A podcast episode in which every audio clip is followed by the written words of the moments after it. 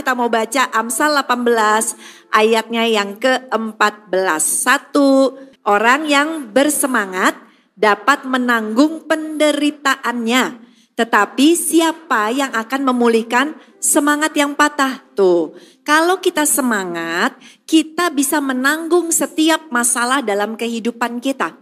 Waktu kita semangat, sekalipun masalahnya besar, raksasa, ada badai terjadi, tetapi kita tetap bersemangat. Karena kita tahu bersama Tuhan kita cakap melakukan perkara-perkara yang besar. Kita percaya tangan Tuhan akan membawa kita, membimbing kita kepada tempat yang bernama kemenangan-kemenangan besar. Amin saudara. Jadi tetap harus semangat ya. Kita baca lagi satu ayat, 1 Timotius 6 ayatnya yang ke-12. Kita baca ya, satu, dua, tiga. Bertandinglah dalam pertandingan iman yang benar dan rebutlah hidup yang kekal. Untuk itulah engkau telah dipanggil dan telah engkau ikrarkan. Ikrar yang benar di depan banyak saksi. Garis bawahi, bertandinglah dalam pertandingan iman yang benar saudara. Artinya waktu kita sudah terima Yesus dalam kehidupan kita, kita masuk di dalam satu lintasan pertandingan bukan perbandingan. Jangan bandingkan hidup kita dengan orang lain, tetapi fokus dengan iman kita kepada garis finish, yaitu kemenangan besar yang Tuhan mau berikan. Nah, banyak kita berpikir, kalau udah ikut Tuhan hidup pasti enak. Kalau udah ikut Tuhan pasti nggak ada masalah. Saya mau katakan hidup kita itu pertandingan kita bukan pertandingan 100 meter atau 200 meter yang cuma jalan bentar terus akhirnya kita ketemu kemenangan. Tidak. Tetapi perjalanan hidup kita ya adalah seperti sebuah maraton. Maraton itu ada yang 10 km, ada yang sekian puluh kilometer sudah terkasih. Itu perjalanan kita. Di garis start, di garis awal kalau kita lihat orang tanding maraton, itu semuanya semangat. Semuanya udah siap untuk menaklukkan yang namanya setiap tantangan di depan mereka. Semuanya udah tahu nanti akan bakalan masuk ke garis finish. Semuanya pokoknya udah menggebu-gebu. Tetapi coba perhatikan berapa banyak dari ribuan orang yang mulai di titik start yang sama akan berakhir di garis finish. Di garis finish kalau kita lihat yang masuk udah bukan ribuan orang. Di garis finish yang masuk cuma satu persatu, satu persatu. Dan yang lainnya ke mana saudara? Tidak sedikit. Yang lainnya akhirnya menyerah di tengah jalan. Yang akhirnya berkata terlalu capek, terlalu panas, kaki udah lecet, ah nyerah ah, badan udah kram-kram. Yang, yang lebih baik udah berhenti aja sekarang. Sudah terkasih, kita pun seperti demikian Hidup kita adalah sebuah maraton. Kita akan menempuh satu jarak bukan jarak yang pendek. Hidup kita panjang saudara. Jarak perjalanan kita begitu panjang. Tetapi yang jadi masalah adalah kita tidak pernah tahu di kilometer berapa istilahnya kita akan masuk garis finish. Kalau maraton udah ketahuan saudara. Tetapi dalam hidup kita nggak tahu. Kita nggak tahu kapan masalah kita akan selesai. Kita nggak tahu kapan suami kita akan bertobat. Kita nggak tahu kapan keuangan kita akan Tuhan pulihkan. Kita tidak pernah tahu. Sehingga Tuhan izinkan kita ada di dalam masa penantian untuk menuju kepada garis finish tersebut. Kita menunggu. Tetapi Tuhan selalu senang dengan yang namanya menunggu. Kalau sudah mikir gini, iya ya Tuhan ya, aku udah doa bertahun-tahun kok Tuhan belum jawab.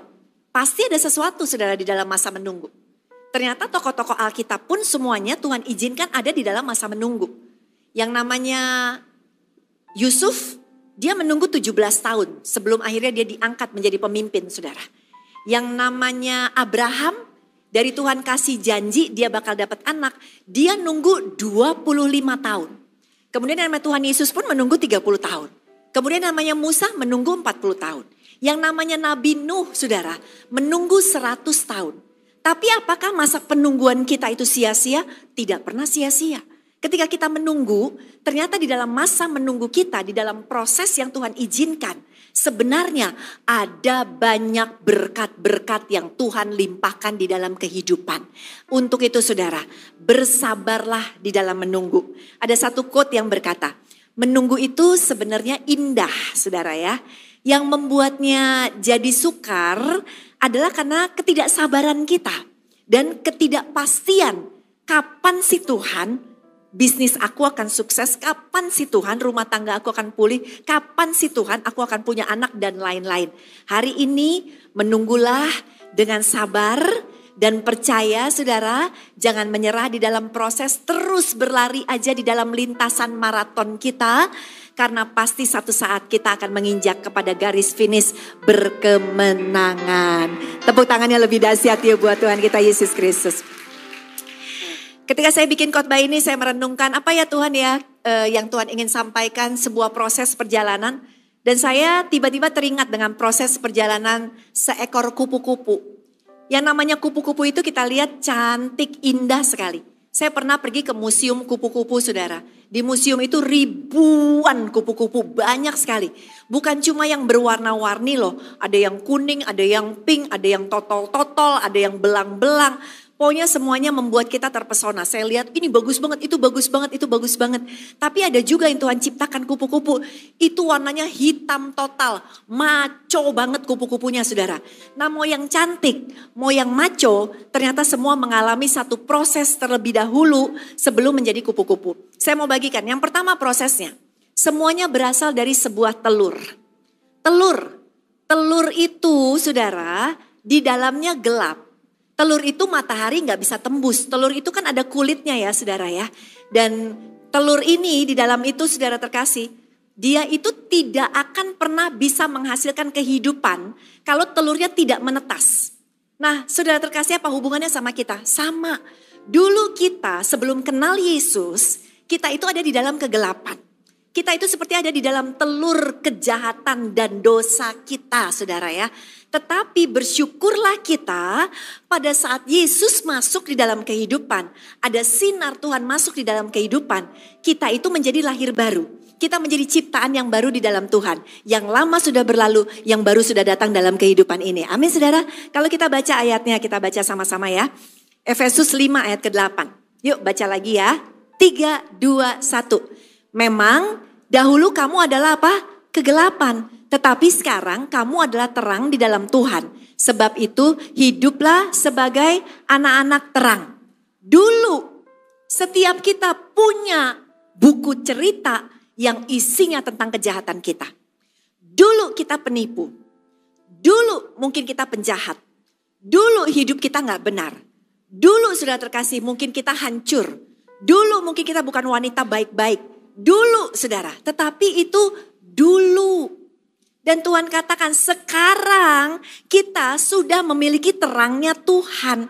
Sebab itu disuruh apa? Di sekarang disuruh hidup menjadi anak-anak terang saudara. Saya beberapa saat yang lalu diundang khotbah. Sebelum saya khotbah ada seorang bapak bersaksi. Kesaksiannya bagus sekali. Dia katakan begini. Dia seorang pengusaha yang kaya raya saudara. Uangnya nggak habis-habis dia katakan dia punya beberapa perusahaan, pokoknya orang kaya deh saudara. Lalu dia bilang, saking dia menikmati kehidupannya dan belum takut akan Tuhan, dia itu bisa punya pacar di mana-mana. Ya, dia bisa ketemu dengan semua cewek dan cewek dikasih duit aja semua tahluk sama dia. Jadi istilahnya dia tidur itu dengan begitu banyak perempuan. Dan kalau ada perempuan yang mau dijadiin pacar dia, dijadiin pacar dia. Dan dia bilang gak cuma satu, pacarnya banyak saudara. Lalu istrinya tetap setia sama Tuhan. Istrinya tetap jadi tiang doa supaya satu saat suaminya bertobat. Istrinya rajin ke gereja, istrinya rajin ikut pergi misalnya ziarah saudara. Dan suaminya tidak pernah mau ikut-ikutan. Tapi satu kali entah bagaimana istrinya ngajakin untuk pergi sama-sama berziarah, berdoa. Dan entah kenapa dia katakan, dia bilang oke okay, aku mau ikut. Lalu dia ikut saudara. Dan pada saat mereka berdoa di tempat ziarah, saudara terkasih, kok ada sesuatu yang dia rasakan berbeda ya. Yang sesuatu yang dia nggak dapetin pada saat dia masih hidup berantakan di luar sana walaupun pacar-pacarnya banyak, cewek-ceweknya banyak, duitnya banyak. Dan di situ akhirnya dia ngomong sama Tuhan, Tuhan eh, hidupku udah berantakan banget ya Tuhan, aku mau hidup benar. Lalu ziarah ke tempat lain kan biasa kalau ziarah pindah-pindah tempat. Di tempat yang satunya lagi dia cuma bilang, aku mau hidup benar, aku mau hidup benar. Kemudian sampailah dia selesai ziarah, balik dengan istrinya, kembali ke kotanya dia. Dia punya keberanian. Keberaniannya apa? Dia katakan, dia putusin semua pacar-pacarnya saudara. Pada saat kesaksian ada teman-temannya dia juga yang masih hidupnya setengah setengah-setengah lah saudara ya baru diajak masuk ke dalam gereja. Jadi waktu si bapak bilang, saya putus-putusin tuh semua pacar saya. So, tidak ada satupun yang saya pacarin lagi. Eh ada satu temannya nyeletuk, oh oper ke sini dong. Kata temannya gitu saudara ya, maklum lah gitu ya. Nah singkat cerita, bapak ini bilang sejak saat itu saya ngerti saya adalah terangnya Tuhan. Saya nggak mau lagi hidup dengan cara saya yang lama saya menghindari bergaul dengan teman-teman lama saya. Saya nggak datang lagi ke klub-klub malam kata dia. Hidup saya hanya untuk Tuhan. Beri tepuk tangan dong buat Tuhan kita Yesus Kristus. Saya yakin setiap kita juga punya masa lalu yang buruk kok. Setiap kita lahir nggak ada yang sempurna. Setiap kita hidup tidak ada yang sempurna. Tetapi waktu kita menyadari sekarang kita punya terangnya Tuhan, kita nggak mau sia-siain terang Tuhan itu dalam hidup ini saudara. Pasti setiap kita mau untuk hidupnya menyenangkan hati Tuhan. Oke lanjut. Udah dong menetas ya. Telurnya menetas, ternyata waktu menetas keluarlah seekor ulat. Sebelum menjadi kupu-kupu. Saudara ulat ini bukan binatang yang disukain banyak orang. Bahkan banyak ibu-ibu, perempuan-perempuan nggak suka ngelihat ulet. Ngelihat ulet kabur. Bapak-bapak juga ada sih yang ngelihat ulet kabur, saudara ya. Nggak ibu-ibu aja. Bahkan saya nggak tahu ada nggak sih di antara kita yang punya anak dan anaknya bilang gini, mami, mami, kalau aku ulang tahun beliin aku hadiah dong. Hadiahnya ulet. Saya rasa nggak ada. Anak-anak pengennya anjing pudel atau pinginnya punya peliharaan seperti kucing anggora mungkin saudara. Tapi nggak ada yang kepengen ulet. Saudara, ulet itu mungkin belum indah. Ulet itu bentuknya masih menjijikan mungkin saudara ya. Tetapi apa yang dilakukan oleh ulat? Yang dilakukan oleh ulat adalah setiap hari makan daun. Dia makan, makan, nyom nyom nyom nyom nyom, makan lagi. Ya, kemudian setelah makan otomatis badannya menjadi membesar, kulitnya nggak muat lagi, terjadilah pergantian kulit. Setelah pergantian kulit apa yang dia lakukan? Dia makan lagi, dia cari daun lagi, dia makan lagi, makan lagi, makan lagi, makan lagi membesar lagi, ganti kulit lagi. Prosesnya bolak-balik ganti kulit selama enam kali, saudara.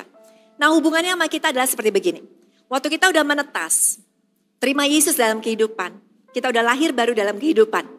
Tugas kita pasti haruslah makan. Bukan saya ngomongin makan rawon ya, bukan makan makanan Surabaya yang enak-enak saudara. Tapi kita harus makan makanan rohani. Kita mulai datang ke gereja. Kita mulai dengar firman Tuhan. Kita mulai baca firman Tuhan. Kita mulai baca renungan harian. Saudara kita baca satu hari satu ayat. Tapi saya yakin lama-lama buat saudara satu ayat tidak cukup. Rasanya aduh Tuhan siang kok kepengen baca lagi ya. Saudara baca lagi. Sore kok kepengen lagi ya. Saudara baca lagi. Rasanya senang banget dapat ayat. Rasanya ayat sering berbicara dalam kehidupan kita. Dan kemudian saudara, lama-lama saudara makin bertambah dewasa. Lalu saudara akan merasa satu ayat sehari kurang.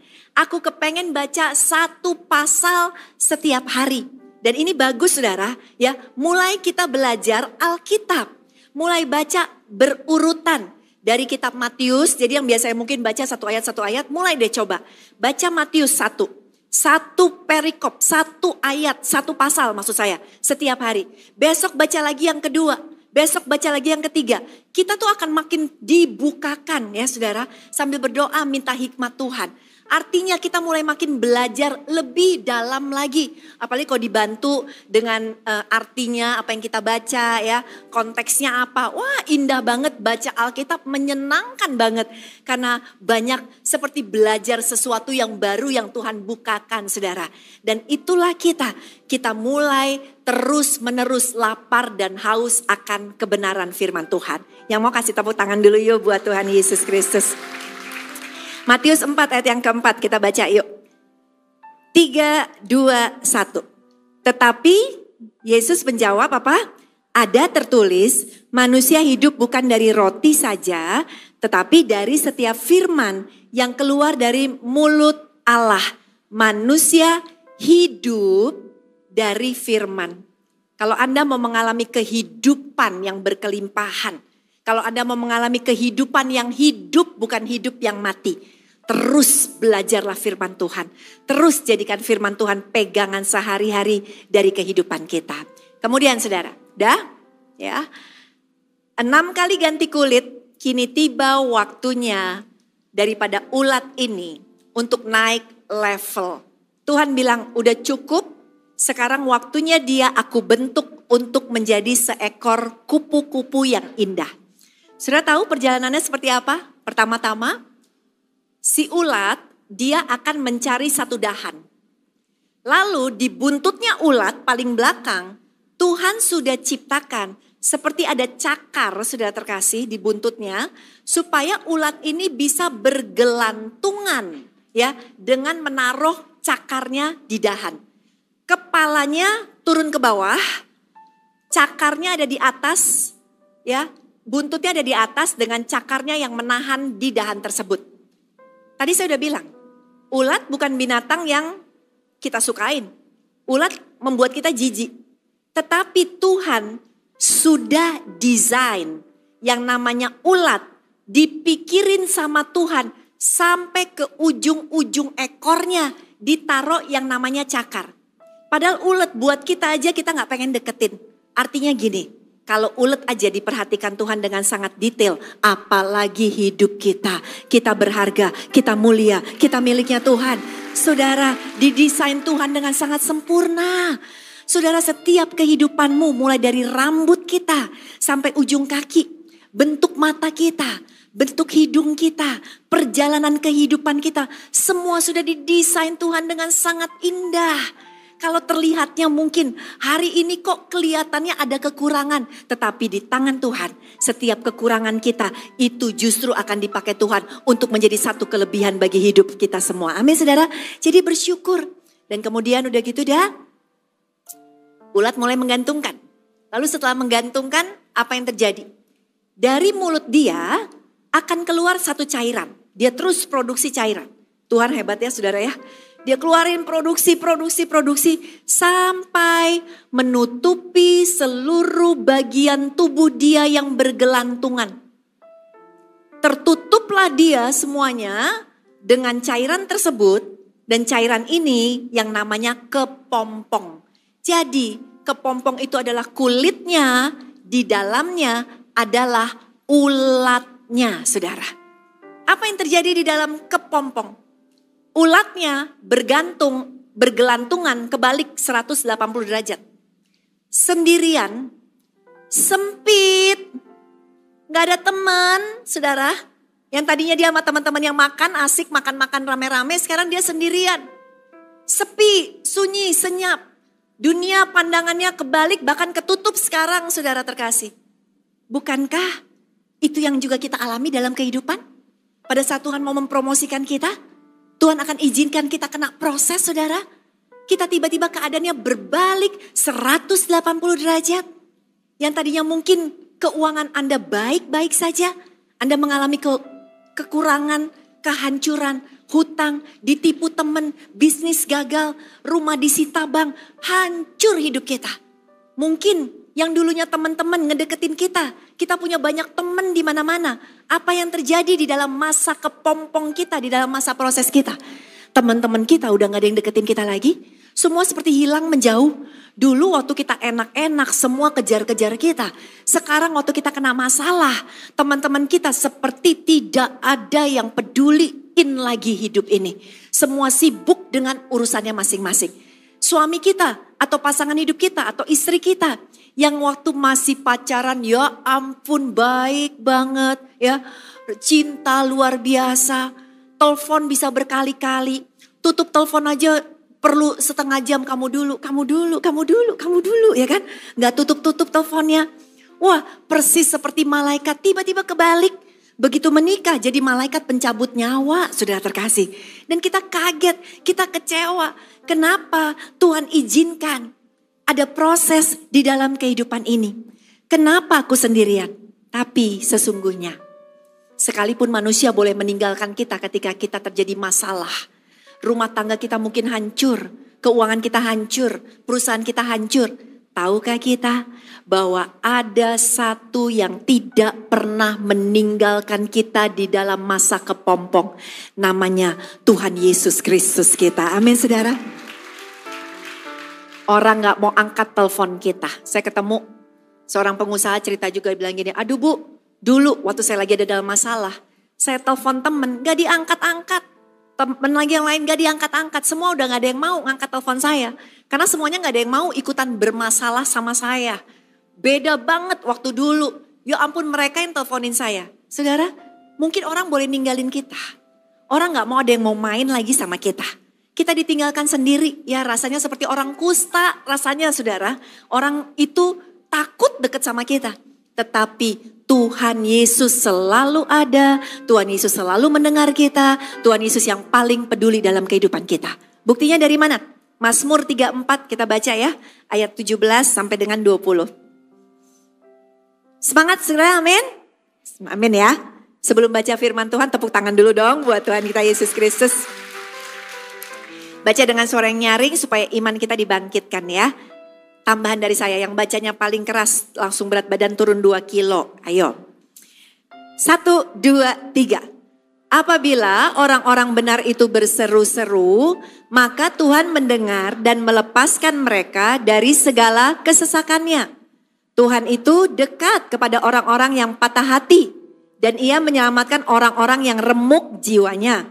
Kemalangan orang benar, tetapi Tuhan melepaskan dia dari semuanya itu, ia melindungi segala tulangnya, tidak ada satupun yang patah jadi waktu kita ada di dalam masa kepompong, jangan pernah ragu.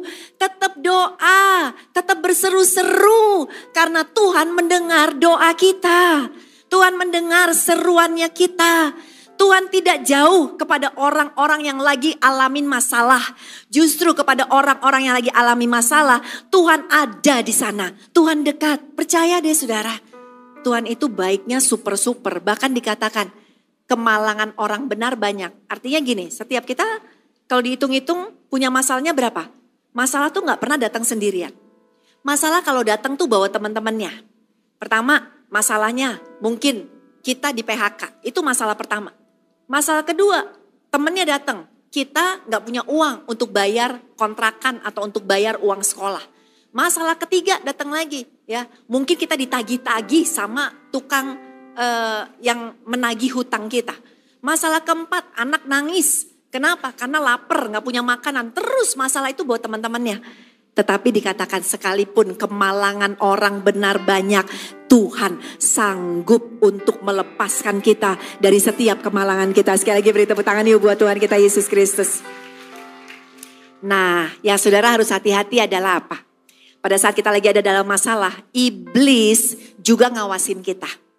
Iblis itu coba untuk membelokkan kita. Ingat ya, iblis itu tukang belok-belokin kebenaran. Kemudian setelah kita dibelokin sama iblis, kita akan mulai melihat Tuhan dengan cara pandangnya iblis, yaitu cara pandang kebohongan. Kita mulai nggak percaya bahwa Tuhan dengerin doa kita. Kita mulai nggak percaya bahwa Tuhan sanggup menolong kita.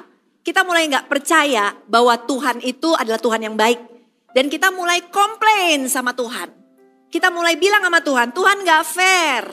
Tuhan gak dengar doaku. Tuhan mana pertolonganmu? Tuhan masalahku terlalu besar. Mana mungkin Tuhan bisa? Iblis senang loh saudara. Pada saat saudara mulai komplain, pada saat saudara mulai belok saudara. Untuk itu di masa masalah, ketika Anda mulai dibelokkan oleh iblis, teruslah setia kepada Tuhan. Terus belajar untuk mengucap syukur di tengah-tengah kesulitan hidup kita Jangan berubah belokan saudara. Lurus aja terus ikutin Tuhan. Ikutin janji-janjinya Tuhan. Karena satu saat percayalah janji itu pasti akan menjadi kenyataan. Sekali lagi beri tepuk tangan yuk buat Tuhan kita Yesus Kristus. Ada satu wanita sudah terkasih, dia bilang begini, e, waktu saya menikah, dia cerita, waktu saya menikah, saya baru aja dapat warisan, gede banget warisan saya. Jadi suami saya menikahi saya cuma modal cincin aja dia bilang. Terus udah gitu saya beli rumah tiga. Di bank masih uangnya mm-an kata dia. Lalu kemudian saya mulai melahirkan anak pertama, anak kedua, anak-anak mulai TK, SD saya berpikir untuk bikin perusahaan. Supaya kelak anak-anak saya sudah punya perusahaan sendiri. Bikinlah dia perusahaan saudara. Lalu kemudian setelah perusahaannya jalan maju beberapa tahun, suaminya bilang, kan suaminya kerja sama dia juga. Kita perlu tender gede nih, kita perlu uang. Keluarin uang dari perusahaan, keluarin uang dari perusahaan untuk tender. Eh belum gol. Kata suaminya ada uang lagi nggak? Gak ada, nih uangnya udah habis uang perusahaan. Uang tabungan diambil. Terus udah gitu, minta uang lagi, dikit lagi kita menang tender. Gak ada. Ya udah ada uh, rumah. Ya udah, rumahnya digadein. Terus udah gitu udah suaminya bilang, wah udah hampir dapet. Rumah kedua, rumah kedua dia kasih juga saudara. Tinggal rumah terakhir kan, perusahaan uangnya udah seret banget. Rumah ketiga suaminya bilang, ini pasti dapat kok, pasti dapat, pasti semuanya balik. Istrinya kasih, apa yang terjadi saudara? Ditagi-tagi sama istrinya, tidak ada tender. Dan akhirnya istrinya udah mulai curiga. Dan saya bilang, kamu ngaku aja ada apa? Akhirnya suaminya ngaku, saya punya pacar lagi. Ada will. Jadi uang perusahaan, uang rumah, itu buat foya-foya sama willnya. Buat belanja-belanjain willnya. Buat having fun sama willnya saudara. Wah dia hancur sekali. Dia marah, dia kecewa. Lalu dia cari tahu siapa willnya. Dia cari tahu, ketemulah willnya. Dia datengin willnya saudara. Lalu dia ngomong sama willnya. Kamu ngerusak rumah tangga orang. Kamu kok jahat banget, kamu kok tega banget. Saya dengan suami saya, kami punya anak-anak. Kenapa kamu masuk di dalam rumah tangga kami? Kenapa kok kamu tega? Kan masih banyak pria-pria lain yang tidak menikah. Jangan ganggu rumah tangga orang. Karena rasanya sakit sekali kata dia. Tapi Will ini bilang apa saudara? Dia katakan gini, ah yang ngejar itu suami kamu. Suami kamu yang ngejar-ngejar saya. Jadi ya salah suami kamu, bukan salah saya. Wah dia nangis, dia pulang ke rumah saudara. Dia dia rasanya hancur, udah habis semuanya hidupnya 180 derajat kebalik kan. Lalu dia berpikir lagi, ah saya mau bawa anak-anak saya. Supaya si Will ini lihat bahwa kita tuh punya keluarga. Anaknya dibawa saudara, dua-duanya ke rumah Willnya. Terus udah gitu anaknya yang SD ngomong sama si Will ini. Tante, tante jangan ambil papa ya. Kita gak kepengen papa diambil, kasihan mama. Kita masih pengen punya papa. Saudara, tahu apa jawaban daripada si tante itu, si Will itu? Jawabannya gini, memandang kepada anaknya yang SD. Kepada si anak ini. Lalu bilang gini, Loh, bukannya lebih enak punya dua mama katanya. Kurang ajar ya saudara ya. Kalau satu mama sakit, kan satu lagi masih ada mama satu lagi. Si ibu ini yang bersaksi bilang, waduh rasanya saya udah pengen ambil pistol, saya pengen tembak katanya itu Will. Kurang ajar sekali ya kan. Benar-benar sudah dibutakan. Suaminya udah dibutakan sama iblis. Will ini sudah dibutakan sama iblis. Karena ingat ya saudara, iblis itu datang untuk mencuri, membunuh dan membinasakan. Dan banyak rumah tangga-rumah tangga Kristen yang diincar oleh iblis. Untuk itu kita harus kuatkan barisan. Kita harus tetap teguh sama Tuhan. Jadi tiang doa yang luar biasa saudara. Kalau enggak bukan cuma suami istri yang akhirnya pisah. Tetapi bayangkan anak-anak sakit hati. Anak-anak menderita.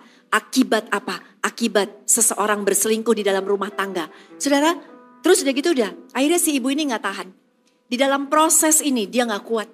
Dia bilang aku mau berhenti aja. Tuhan aku udah gak kuat lagi. Lalu yang dia lakukan dia minum pil. Dia bunuh diri saudara. Puji Tuhannya, Tuhan tuh baik banget. Ketahuan. Langsung dibawa ke rumah sakit. Di rumah sakit anak-anaknya nangis lihat mamahnya. Lalu anak-anaknya yang masih polos, mereka bilang gini, anterin kami ke papa, anterin kami ke papa. Jadi anak-anaknya dianterin ke papa ketemu papahnya di rumah Willnya itu. Lalu si anak bilang, papa, papa pulang, mama sakit. Kami perlu biaya untuk sekolah. Mama sakit, mama gak bisa kerja. Gak ada yang bisa untuk biayain kami. Sudah tahu apa yang papanya katakan? Kalau sudah dibutakan tuh kayak gini saudara. Semua buta, gak inget anak, gak inget istri, gak inget tanggung jawab. Jadi jangan izinkan saudara ya. Sebagai bapak-bapak saya juga mau kasih pesan di sini. Jangan pernah main apa Karena satu perselingkuhan itu seperti membuka pintu dengan celah yang kecil. Iblis tetap bisa masuk di celah itu dan pintu akan terbuka luar biasa. Singkat cerita, anaknya diusir saudara. Pergi, jangan pernah ketemu papa lagi. Anaknya balik ke rumah sakit. Mamanya udah sadar di rumah sakit. Anaknya langsung pelukin mamanya, pelukin nangis katanya di badan mamanya sambil bilang apa? Mama, mama jangan pernah tinggalin kita. Papa aja udah tinggalin kita. Kalau mama tinggalin kita, kita jadi yatim piatu. Dan di situ mamanya baru sadar. Dan mamanya berkata, aduh ampuni aku. Aku tidak akan menyerah sekarang. Anak-anakku kasihan. Aku akan tetap berjuang untuk anak-anakku. Saudara terkasih, lihat. Di dalam kepompong musim proses itu nggak mudah.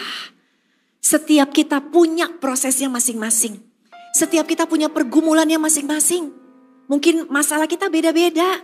Tetapi mungkin Anda sekarang ada di dalam masa kepompong. Saya mau katakan, jangan pernah menyerah di masa kepompong. Mungkin memang terlihatnya tidak terjadi apa-apa karena ada di dalam masa kepompong saudara. Di luar kelihatannya sama. Di luar kita lihat keadaan kita masih sama. Kita lihat keadaan keuangan masih sama. Keadaan keluarga berantakan masih sama keadaan kehidupan masih sama, tetapi percayalah, di dalam kepompong Tuhan mengerjakan sesuatu yang tidak terlihat oleh mata manusia. Ada terobosan, ada perubahan. Tuhan sedang kerjakan di balik layar. Tetap bertahan, saudara. Karena apa? Karena ternyata di dalam kepompong Tuhan sedang mengerjakan yang namanya kaki kupu-kupu. Tuhan sedang mengerjakan tangannya kupu-kupu. Dari seekor ulat Tuhan sedang mengerjakan sayap keluar dari badannya si ulat sudah terkasih. Sayap yang kelak akan dipakai untuk menjadi seekor kupu-kupu. Tapi kita nggak bisa lihat kan? Karena adanya di dalam kepompong. Hari ini sudah mungkin berkata yang sama, Tuhan kapan, kapan, kapan ya Tuhan. Tetapi di belakang layar sekali lagi Tuhan sebenarnya sedang membereskan perlahan-lahan kehidupan kita. Terobosan, jalan-jalan baru Tuhan sedang bukakan. Karena tepat pada waktunya kita akan melihat perkara dahsyat Tuhan. Berikan tepuk tangan yang dahsyat yuk buat Tuhan kita yang luar biasa. Ingat, sekalipun berat saudara, perkatakan ayat ini dalam hidup kita. Filipi 4 ayat 13. Kita baca ya. Filipi 4 ayat 13. Kita baca sama-sama. 1, 2, 3. Segala perkara dapat kutanggung di dalam dia yang memberi kekuatan kepadaku. Segala perkara. Kalau di sini saya tanya, ada nggak yang lagi ngalamin masalah berat? Mungkin Anda ada yang angkat tangan. Masalah saya berat banget, Pastor. Utang 40 M. Ada lagi yang bilang, masalah saya berat banget.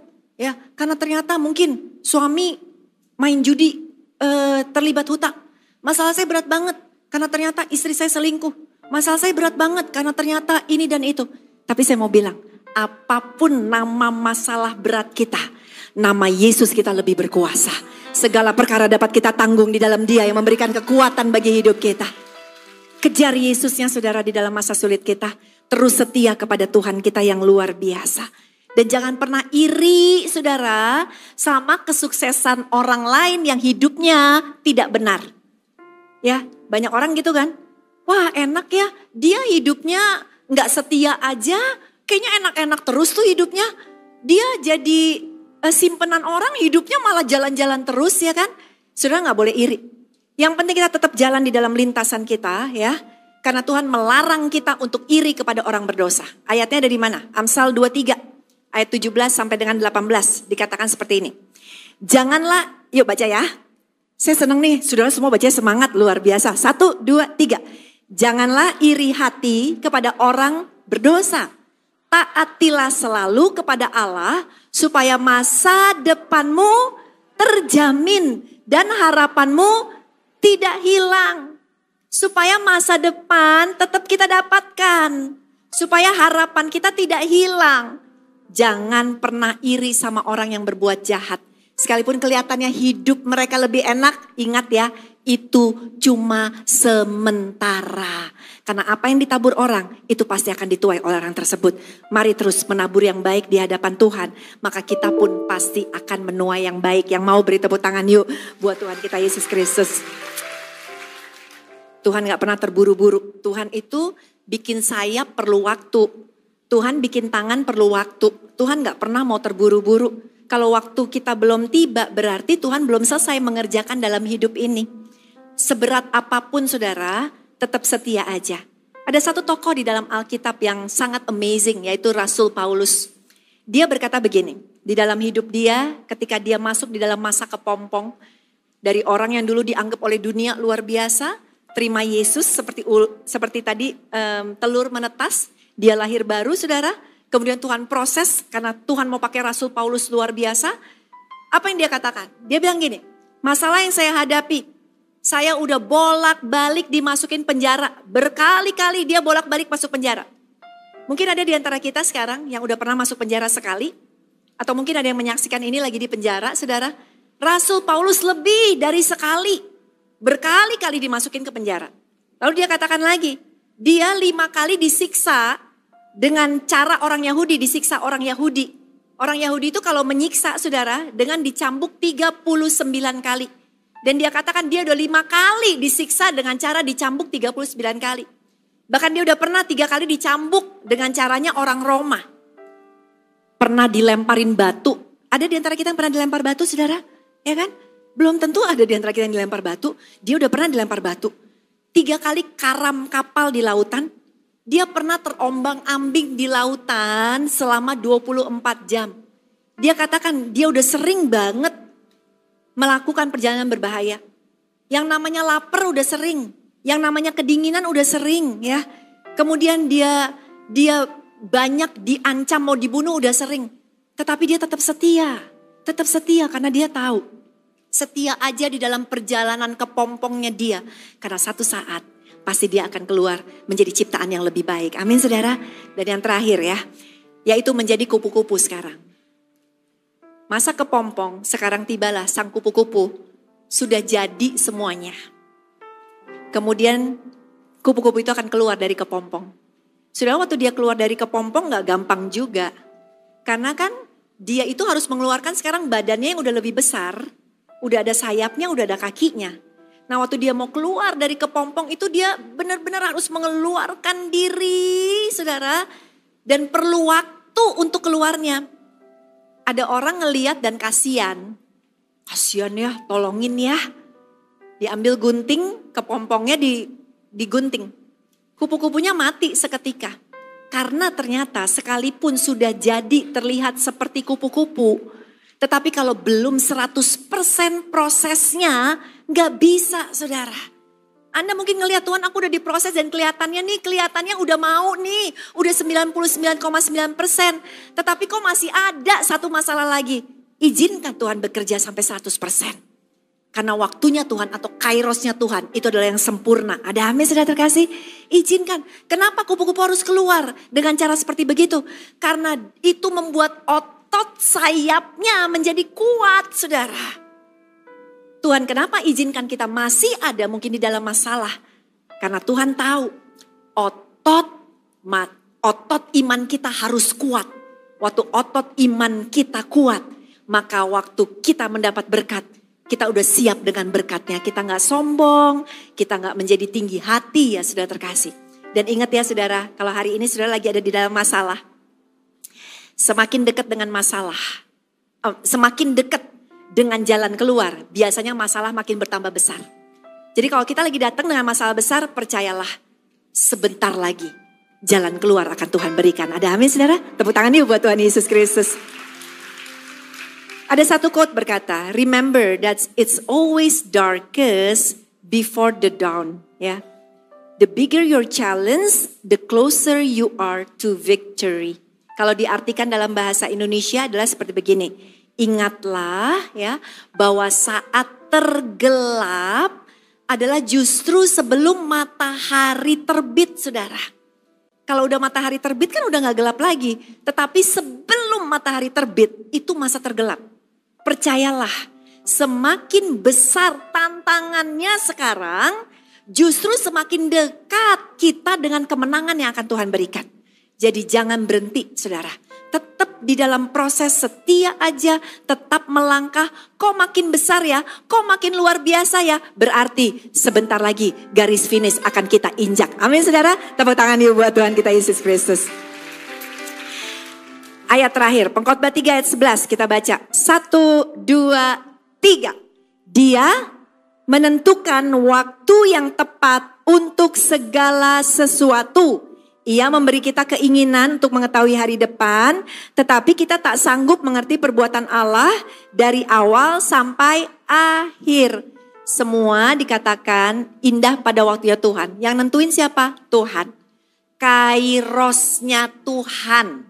Waktu yang terbaik, Kairos itu waktu yang terbaiknya Tuhan. Perfect, waktu yang sempurna di tangan Tuhan, bukan di tangan kita. Jadi kalau hari ini kita masih bergumul, masih belum melihat jawabannya Tuhan, kairosnya Tuhan berarti belum hadir di dalam kehidupan kita. Sabar aja, tunggu aja, karena sedikit lagi sempurna akan terjadi. Amin ya saudara.